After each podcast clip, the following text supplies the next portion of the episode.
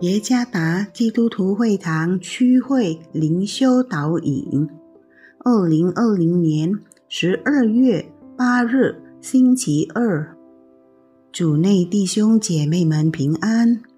今天的灵修导引，我们借着圣经《约翰福音》十五章第一到第八节来思想今天的主题：正确的应许。作者。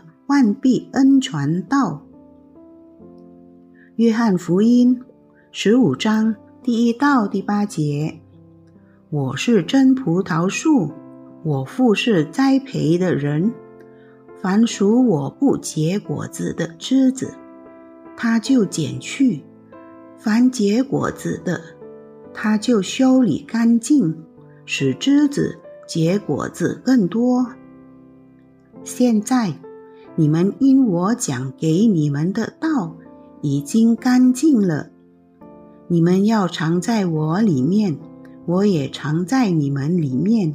枝子若不藏在葡萄树上，自己就不能结果子；你们若不藏在我里面，也是这样。我是葡萄树，你们是枝子，藏在我里面的。我也藏在他里面，这人就多结果子，因为离了我，你们就不能做什么。人若不藏在我里面，就像枝子丢在外面枯干，人拾起来扔在火里烧了。你们若藏在我里面，我的话也藏在你们里面。凡你们所愿意的祈求，就给你们成就。你们多结果子，我父就因此得荣耀。你们也就是我的门徒了。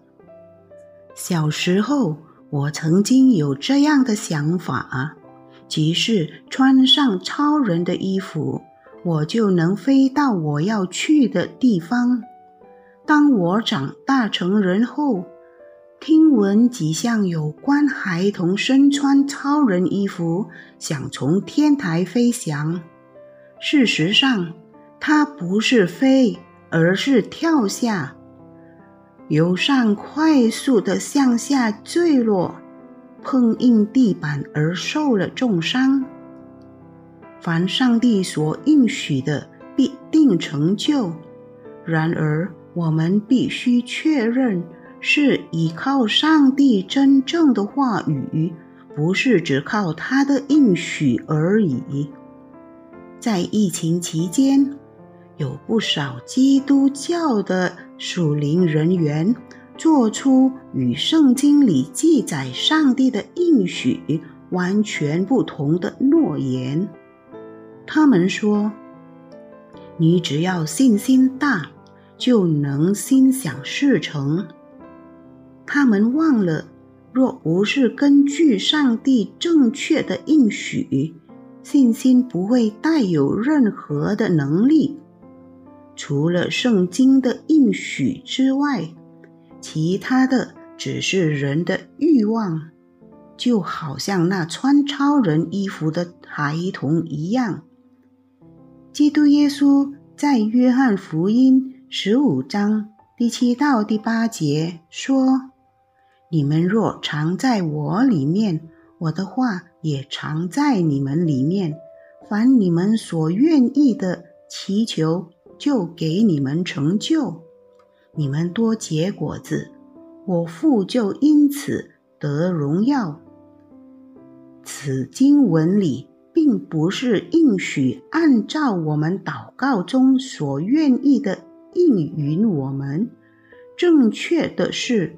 上帝应许我们的意愿，是为要越来越像基督，并多结果子而祈求，此事就得蒙成就。